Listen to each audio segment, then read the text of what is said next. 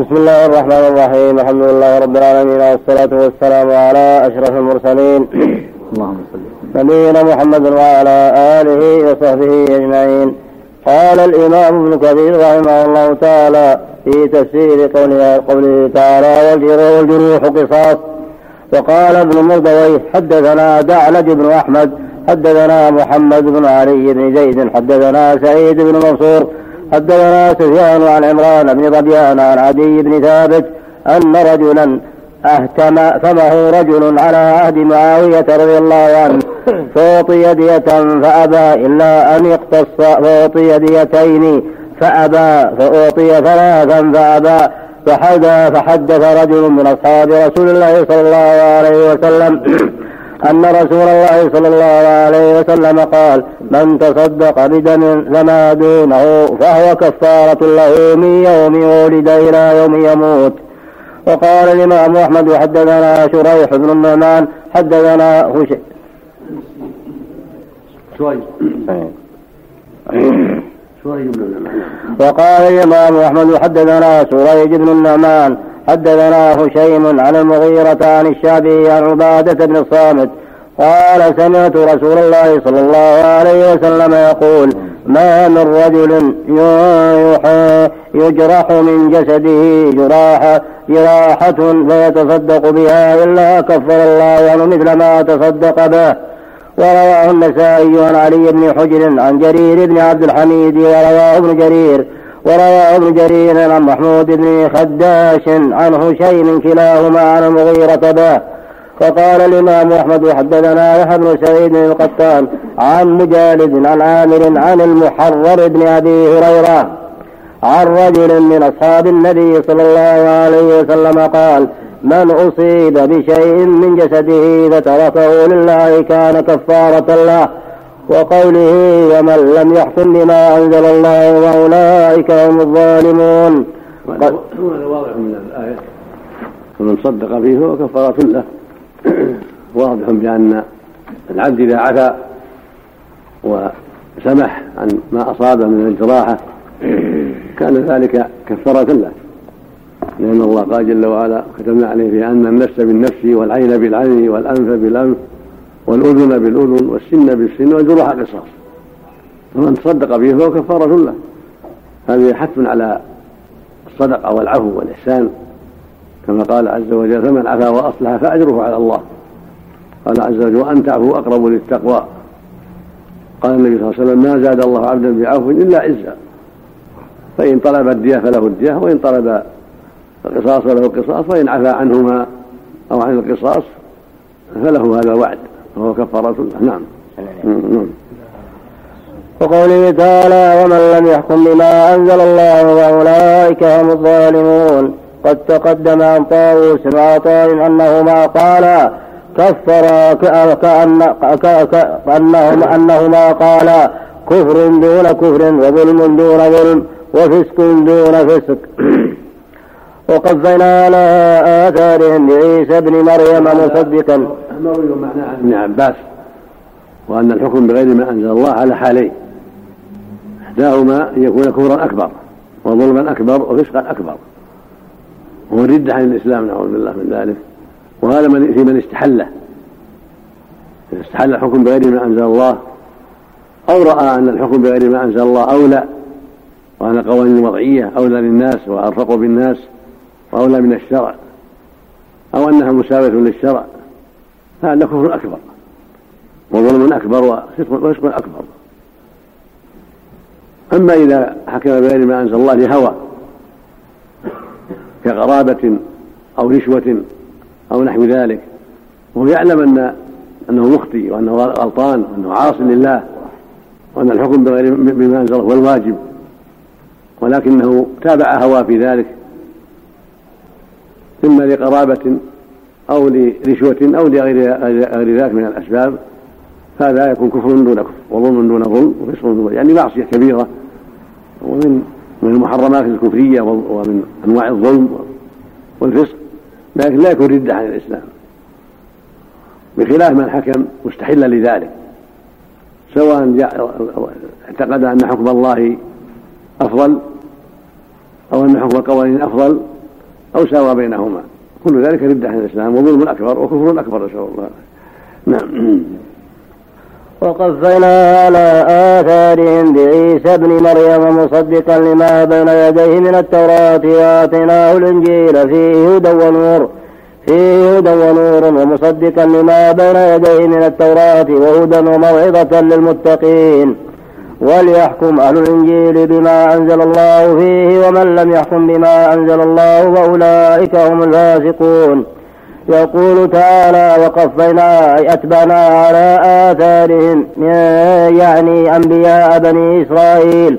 بعيسى ابن مريم مصدقا لما بين يديه من التوراة أي مؤمنا بها حاكما بما فيها.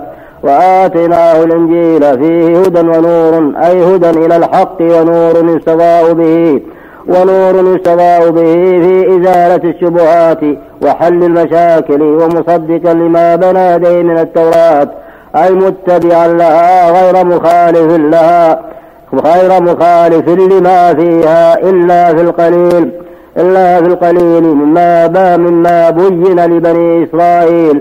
مما بين لبني إسرائيل بعض ما بعض ما كانوا يختلفون فيه. نعم. مما بين لبني إسرائيل بعض ما كانوا يختلفون فيه. كما قال تعالى إخبارا عن المسيح أنه قال لبني إسرائيل ولأحل لكم بعض الذي حرم عليكم ولهذا كان المشهور من قولي العلماء أن الإنجيل نسخ بعض أحكام التوراة وقوله تعالى وهدى وموعظة للمتقين أي وجعلنا الإنجيل هدى يهتدى به وموعظة أي أي زاجرا عن ارتكاب المحارم والمآثم للمتقين أي لمن اتقى الله وخاف وعيده وعقابه. وقوله تعالى وليحكم أهل الإنجيل بما أنزل الله فيه قرئ وليحكم أهل الإنجيل بالنصب على أن اللام لام كي أي وآتناه الإنجيل ليحكم أهل ملته به في زمانهم وقرئ وليحكم بالجزم على أن اللام لام الأمر. أي ليؤمنوا بجميع ما فيه وليقيموا ما أمروا به فيه. ومما فيه البشارة ببعثة محمد. ولا والأمر باتباعه وتصديقه إذا وجد. كما قال تعالى قل يا أهل الكتاب لستم على شيء حتى تقيموا التوراة والإنجيل وما أنزل إليكم من ربكم الآية وقال تعالى الذين يتبعون الرسول النبي الأمي الذي يجدونه مكتوبا عندهم في التوراة إلى قوله المفلحون ولهذا قال ها هنا ومن لم يحكم بما أنزل الله فأولئك هم الفاسقون أي الخارجون عن طاعة ربهم المائلون إلى الباطل التاركون للحق. وقد تقدم أن هذه الآية نزلت في النصارى وهو ظاهر من السياق. وهذا يبين لنا أن أمر الإنجيل أنه كتاب عظيم فيه هدى ونور وفيه هدى وموعظة فيه بيان لبعض ما اختلفوا فيه ولحل بعض ما حرم عليهم في التوراة. فإن الله جل وعلا خفف عنهم ببعث عيسى عليه الصلاة والسلام خفف عنهم بعض الشيء ووضع عنهم به بعض الآصار والأغلال ولكنهم أبوا إلا الكفر به وعدم تصديقه. وقالوا فيه إنه ولد بغي وسعوا في قتله وصلبه إلا أن الله خلصه منهم ورفعه جل وعلا عن أولئك الظالمين اليهود. وهكذا الرسل كلهم. الآخر يصدق الأول ويؤيد ما جاء به الأول ويبين صحة ما جاء به وأنه رسول الله حقا وهكذا نبينا محمد عليه الصلاة والسلام. بين الله به صدق الأولين من الرسل وأتى بما يبين أنهم قد بلغوا وصدقوا وأدوا ما عليهم عليهم الصلاة والسلام. نعم. وأنزلنا إليك الكتاب بالحق مصدقا لما بين يديه من الكتاب ومهيمنا عليه. فاحكم بينهم بما أنزل الله ولا تتبع أهواءهم عما جاءك من الحق. لكل جعلنا منكم شرعة لكل جعلنا منكم شرعة ومنهاجا. ولو شاء الله لجعلكم أمة واحدة. ولكن ليبلوكم فيما آتاكم. فاستبقوا الخيرات إلى الله مرجعكم جميعا فينبئكم بما كنتم فيه تختلفون. وأن يحكم بينهم بما أنزل الله ولا تتبع أهواءهم واحذرهم أن يفتنوك عن بعض ما أنزل الله إليك. فإن تولوا فإن تولوا فاعلم أنما يريد الله أن يصيبهم ببعض ذنوبهم. وإن كثيرا من الناس لفاسقون. أفحكم الجاهلية يبغون ومن أحسن من الله حكما لقوم يوقنون. لما ذكر تعالى التوراة التي أنزلها على موسى كليمه ومدحها وأثنى عليها وأمر باتباعها حيث كانت سائغة حيث كانت سائغة الاتباع وذكر الإنجيل ومدحه وأمر أهله بإقامته. وأمر أهله بإقامته واتباع ما فيه كما تقدم بيانه شرع في ذكر القرآن العظيم الذي أنزله على عبده ورسوله الكريم. فقال تعالى وأنزلنا إليك الكتاب بالحق أي بالصدق الذي لا ريب فيه أنه من عند الله مصدقا لما بين يديه من الكتاب أي من الكتب المتقدمة المتضمنة ذكر ذكره ومدحه. وأنه سينزل من عند الله على عبده ورسوله محمد صلى الله عليه وسلم. فكان نزوله كما أخبرت به مما زادها صدقا عند حامليها من ذوي البصائر من ذوي البصائر الذين الذين انقادوا لأمر الله واتبعوا شرائع الله. وصدقوا رسل الله كما قال تعالى إن الذين أوتوا العلم من قبله إذا يتلى عليهم يخرون للأذقان سجدا ويقولون سبحان ربنا إن كان وعد ربنا لمفعولا أي إن كان ما وعدنا الله على ألسنة رسله المتقدمة من مجيء محمد عليه السلام لمفعولا أي لكائنا لا محالة ولا بد. وقوله تعالى ومهيمنا عليه قال سفيان الثوري وغيره عن أبي إسحاق عن التميمي عن ابن عباس أي مؤتمن مؤتمنا عليه وقال علي بن أبي طلحة تميمي باليمين ولا التيمي؟ مؤتمنا عليه تميمي ولا تيمي؟ التميمي تميمي باليمين؟ نعم سنة. في كلام عليه يا شيخ عندكم؟ أي نعم مكي؟ نعم رواه ابن جرير من عشرة طرق عن التميمي وفي بعضها قال عن رجل من تميم وهو أربدة ويقال أربد التميمي المفسر صدوق من الثالثة. أخرج له أبو داود. هذا القول الحافظ. قال العجلي تابعي كوفي ثقة. وقال ابن حبان في الثقات أصله من البصرة. كان يجالس البراء بن عازب.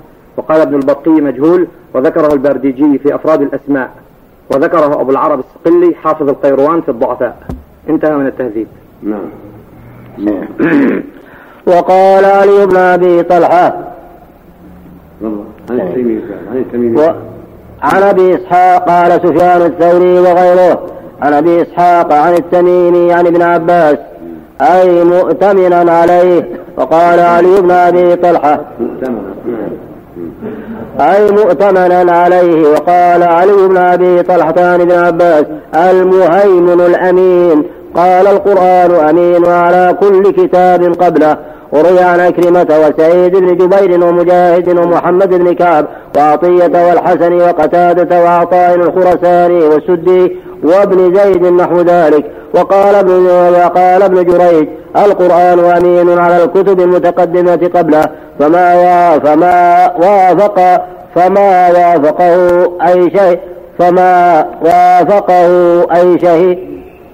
فما وافقه منها فهو حق. وما خالفه منها وهو باطل وعن الوالي عن ابن عباس. نعم. وعن الوالد وعن الوالد عن ابن عباس. ومهيمنا أي شهيدا. وكذا قال مجاهد وقتادة والسدي. وقال العوفي عن ابن عباس. ومهيمنا أي حاكم على ما قبله من الكتب. وهذه الأقوال كلها متقاربة المعنى. قال اسم المهيمن اسم المهيمن يتضمن هذا كله وهو أمين. وهذه كلها متقاربة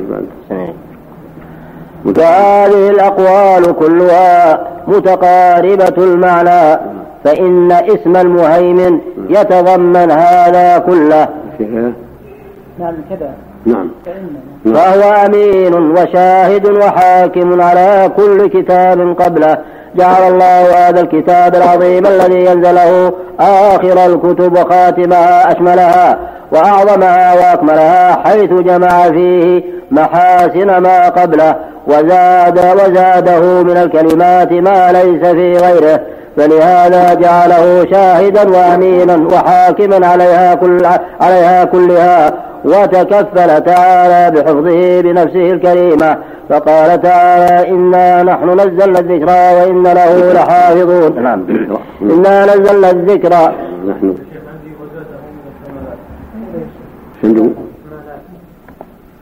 وزاده وزاده. سامح سين وزاده من الكلمة من الكمالات ما ليس في غيره. فلهذا جعله شاهدا وأمينا وحاكما عليها كلها وتكفل تعالى بحفظه بنفسه الكريمة. وقال تعالى إنا نحن نزلنا الذكر وإن له لحافظون. وإنا فأما ما حكاه ابن أبي حاتم وهذا واضح في فضل هذا الكتاب العظيم وأن الله جعله مصدقا لما قبله من الكتب وشاهدا لها وأمينا عليها وحاكما عليها. ودل على صحة ما جاءت في الرسل وأنهم أدوا الرسالة وبلغوها. وحكموا بما أمرهم الله به جل وعلا وهذا كتاب أكملها وقص فيه سبحانه قصص الماضين وأخبار الماضين وأتى فيه من الشرائع والأحكام ما هو أكمل وأعظم وأيسر وأسمح مما قبله.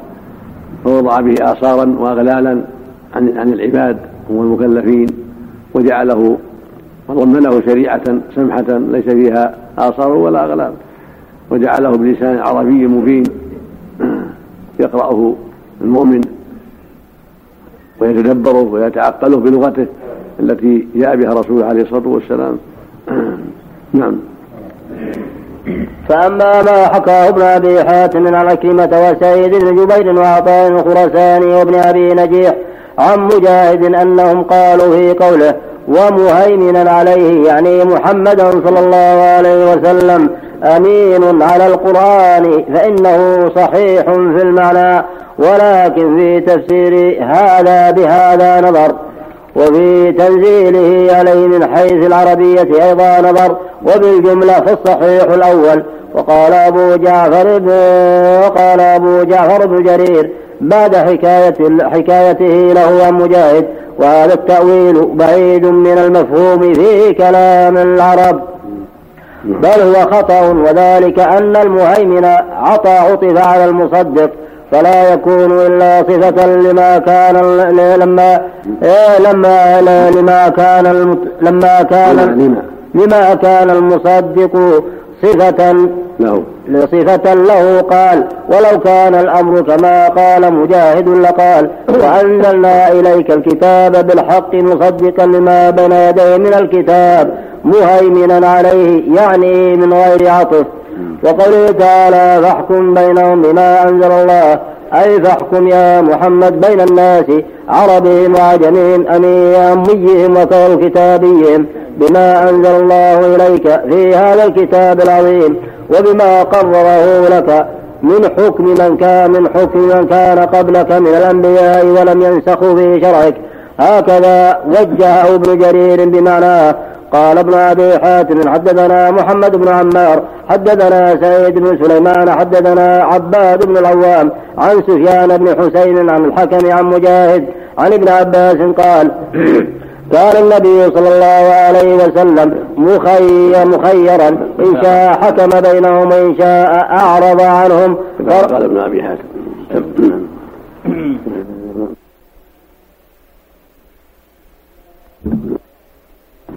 بسم الله الرحمن الرحيم الحمد لله رب العالمين والصلاة والسلام على أشرف المرسلين نبينا محمد وعلى آله وصحبه أجمعين. قال الإمام ابن كثير رحمه الله تعالى في تفسير قوله تعالى فاحكم بينهم بما أنزل الله أي فاحكم يا محمد بين الناس عربهم وعجمهم أميهم وكتابيهم بما أنزل الله إليك في هذا الكتاب العظيم وبما قرره لك من حكم من كان قبلك من الأنبياء ولم ينسخوا في شرعك هكذا وجهه ابن جرير بمعناه قال ابن أبي حاتم حدثنا محمد بن عمار حدثنا سعيد بن سليمان حدثنا عباد بن العوام عن سفيان بن حسين عن الحكم عن مجاهد عن ابن عباس. قال كان النبي صلى الله عليه وسلم مخيرا إن شاء حكم بينهم وإن شاء أعرض عنهم وإن شاء أعرض عنهم فردهم إلى أحكامهم فنزلت وأن احكم بينهم بما أنزل الله ولا تتبع أهواءهم. فأمر رسول الله صلى الله عليه وسلم أن يحكم بينهم بما في كتابنا. وقوله ولا تتبع أهواءهم أي آراءهم التي اصطلحوا عليها وتركوا بسببها ما أنزل الله على رسله. ولهذا قال تعالى ولا تتبع أهواءهم عما جاءك من الحق. أي لا تنصرف عن الحق الذي أمرك الله به إلى أهواء هؤلاء الجهلة الأشقياء. وقوله تعالى لكل جعلنا منكم شرعة ومنهاجا. قال ابن أبي حاتم حدثنا أبو سعيد الأشج حدثنا أبو خالد الأحمر عن يوسف بن أبي إسحاق عن أبي إسحاق عن التميمي. حدثنا قال ابن أبي حاتم حدثنا أبو سعيد الأشج حدثنا أبو خالد الأحمر عن يوسف بن أبي إسحاق. يوسف. عن يوسف بن أبي إسحاق عن أبي إسحاق عن التميمي عن ابن عباس. لكل جعلنا منكم شرعة قال سبيلا. وحدثنا أبو سعيد حدثنا وكيع عن سفيان عن أبي إسحاق عن التميمي عن ابن عباس. ومنهاجا قال وسنة. وكذا روى العوفي عن ابن عباس شرعة ومنهاجا سبيلا وسنة. وكذا روي عن مجاهد وعكرمة والحسن البصري وقتادة والضحاك والسدي وأبي إسحاق وأبي إسحاق السبيعي أنهم قالوا في قوله شرعة ومنهاجا أي سبيلا وسنة. وعن ابن عباس روى ومجاهد أي وعطاء الخرساني عكسه شرعة ومنهاجا أي سنة وسبيلا والأول أنسب فإن الشرعة وهي الشريعة أيضا هي ما يبتدأ فيه إلى الشيء ومنه يقال شرع في كذا شرع في كذا أي ابتدى فيه وكذا الشريعة وهي ما يشرع فيها إلى الماء. أما المنهاج فهو الطريق الواضح السهل والسنن الطرا والسنن الطرا الطرائق. فتفسير قوله شرعة ومنهاجا بالسبيل والسنة أظهر في المناسبة أظهر في المناسبة من العكس والله أعلم. ثم هذا. والمعنى في هذا أن الله سبحانه شرع للرسل عليهم الصلاة والسلام طرقا يسلكونها فيها حياة الأمم ونجاة الأمم وسعادة الأمم. ومنهاجا واضحا ليس فيه إعوجاج يستقيمون عليه ويدعون إليه الناس. وسمى ما شرعه لعباده شرعة لأنه يوصلهم إلى السعادة والحياة الطيبة. فالشرائع هي ما قسمه الله لعباده وأمرهم به من فعل الأوامر وترك النواهي هذه الشريعة والشرعة توصل من استقام عليها إلى النجاة والسعادة. كما أن الشرائع التي في الدنيا طرق توصل إلى الماء. الشرعة هي الطريق الموصل إلى الماء إلى النهر. النهر تحصل به الحياة. والطريق إليه هو الشريعة.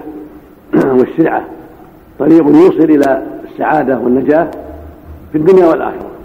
كما أن الطرق التي تعين للمياه وتعبد للمياه توصل إلى الحياة الدنيوية لبني آدم ودوابهم ثم هذه الشرعة التي هي الطريق الحياة توصلهم إلى منهاج واضح وسنة واضحة. قد رسمها الله لعباده وهي الصراط المستقيم. صراط واضح من استقام عليه وصل إلى الله إلى دار الكرامة. ومن حاد عنه إلى هواه صار إلى دار الهوان والشقاء. نسأل الله السلامة. نعم.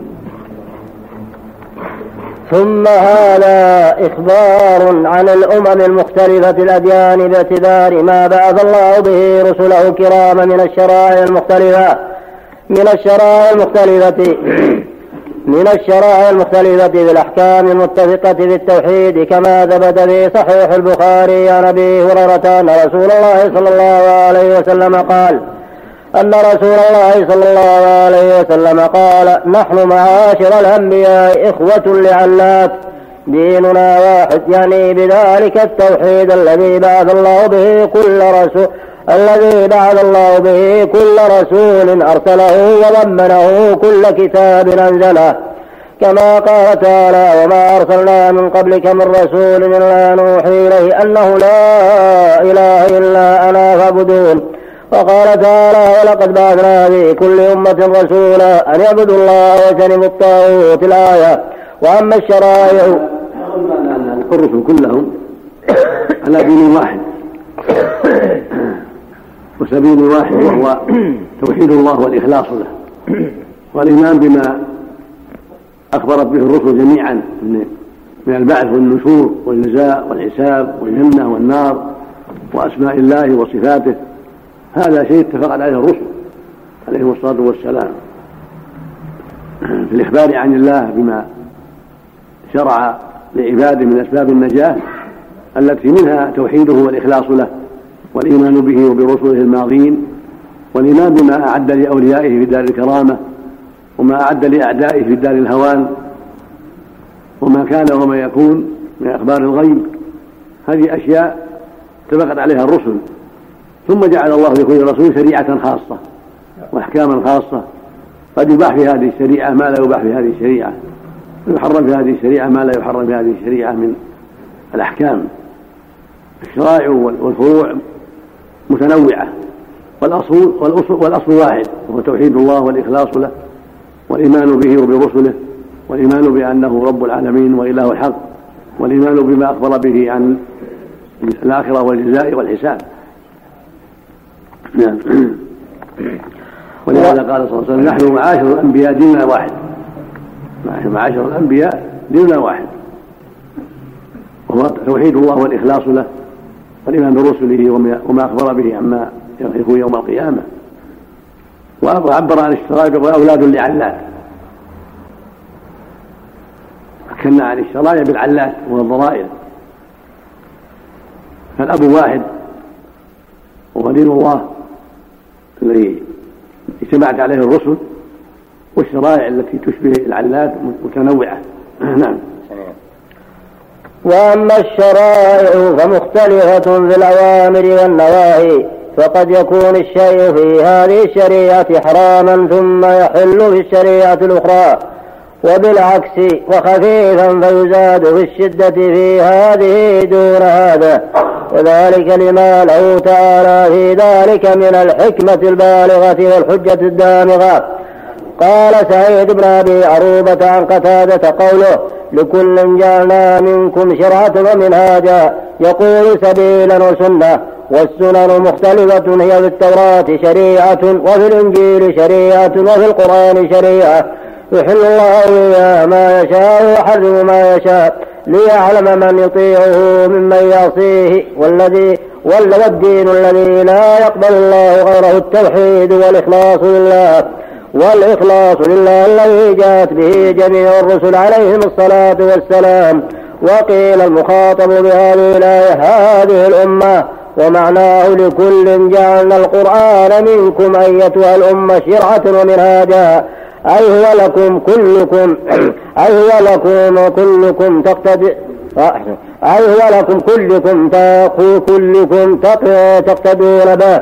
وحذف الضمير الموصوب في قوله لكل جعلنا منكم أي جعلناه يعني القرآن شرعة ومنهاجا أي سبيلا إلى المقاصد الصحيحة وسنة أي طريقا ومسلكا واضحا بينا هذا مضمون ما حكاه ابن جرير عن مجاهد رحمه الله والصحيح القول الأول. ويدل على ذلك قوله تعالى بعده ولو شاء الله لجعلكم أمة واحدة ولو كان لو ولو كان ولو كان هذا خطابا لهذه الأمة لما صح أن يقول ولو شاء الله لجعلكم أمة واحدة وهي وهم أمة واحدة ولكن هذا خطاب لجميع الأمم وإخبار عن قدرته تعالى العظيمة التي لو شاء لجمع الناس كلهم لجمع الناس كلهم على دين واحد وشريعة واحدة لا ينسخ شيء منها ولكنه تعالى شرع لكل رسول شريعة ولكنه تعالى شرع لكل رسول شريعة على حدة. ثم نسخها أو بعضها برسالة الأخرى برسالة الأخرى برسالة الآخر. بالرسالة الآخر الذي بعده حتى نسخ الجميع بما بعث به عبده ورسوله محمدا صلى الله عليه وسلم الذي ابتعث الذي ابتعثه إلى أهل الأرض قاطبة وجعله خاتم الأنبياء كل خاتم الأنبياء كلهم. ولهذا قال تعالى ولو شاء الله لجعلكم أمة واحدة ولكن ليبلوكم فيما آتاكم أي أنه تعالى شرع الشرائع مختلفة ليختبر عباده فيما شرع لهم ويثيبهم أو يعاقبهم على طاعته ومعصيته بما فعلوه بما فعلوه أو عزموا عليه من ذلك كله. وقال عبد الله بن كثير فيما آتاكم يعني من الكتاب. ثم إنه تعالى نبأهم إلى المسارعة إلى الخيرات والمبادرة إليها وقال فاستبقوا الخيرات وهي ط... ثم إنه تعالى ندبهم إلى المسارعة إلى الخيرات والمبادرة إليها فقال فاستبقوا الخيرات وهي طاعة الله واتباع شرعه الذي جعله ناسخا لما قبله. والتصديق بكتابه القرآن الذي هو آخر كتب كتاب أنزله. ثم قال تعالى هذا حث من الله جل وعلا لعباده على أن يستبقوا الخيرات وأن يسارعوا للطاعات. بعدما بين أنه سبحانه جعل لكل رسول شريعة ومنهاجا تسير عليه أمته على حسب حكمته سبحانه وتعالى في تفصيل الشرائع والواجبات والمحرمات لكل رسول ولكل أمة بين الحكمة في ذلك ليبلوكم فيما آتاكم ليختبركم في ما آتاكم من الشرائع وليظهر من عباده من يسابق ويسارع الطاعات ومن يتأخر عن ذلك. فيجازى كل عامل بما يستحق من الخيرات أو ضدها. فالعبد مختبر ومبتلى كما قال جل وعلا ليبلوكم أيكم أحسن عملا. فالواجب على المؤمن أن يحذر التساهل والإعراض واتباع الهوى وأن يري الله من نفسه خيرا بطاعته ومسارعته إلى ما يرضيه. وابتعاده عن مناهيه حتى يحصل له ما وعد الله به المتقين والمسارعين الخيرات من عظيم الثواب ورفيع الدرجات. نعم. ثم قال تعالى إلى الله مرجعكم أي معادكم أيها الناس ومصيركم إليه يوم القيامة. فينبئكم بما كنتم به تختلفون أي فيخبركم بما بما اختلفتم به بما اختلفتم فيه من الحق. فيجزي الصادقين بصدقهم ويعذب الكافرين الجاحدين المكذبين بالحق. العادلين عنه إلى غيره بلا دليل ولا برهان. بل بل هم معاندون معاندون البراهين القاطعة والحجج البالغة والأدلة الدامغة. وقال الضحاك فاستبقوا الخيرات يعني أمة محمد صلى الله عليه وسلم والأول أظهر. وقوله تعالى وأن احكم بينهم بما أنزل الله.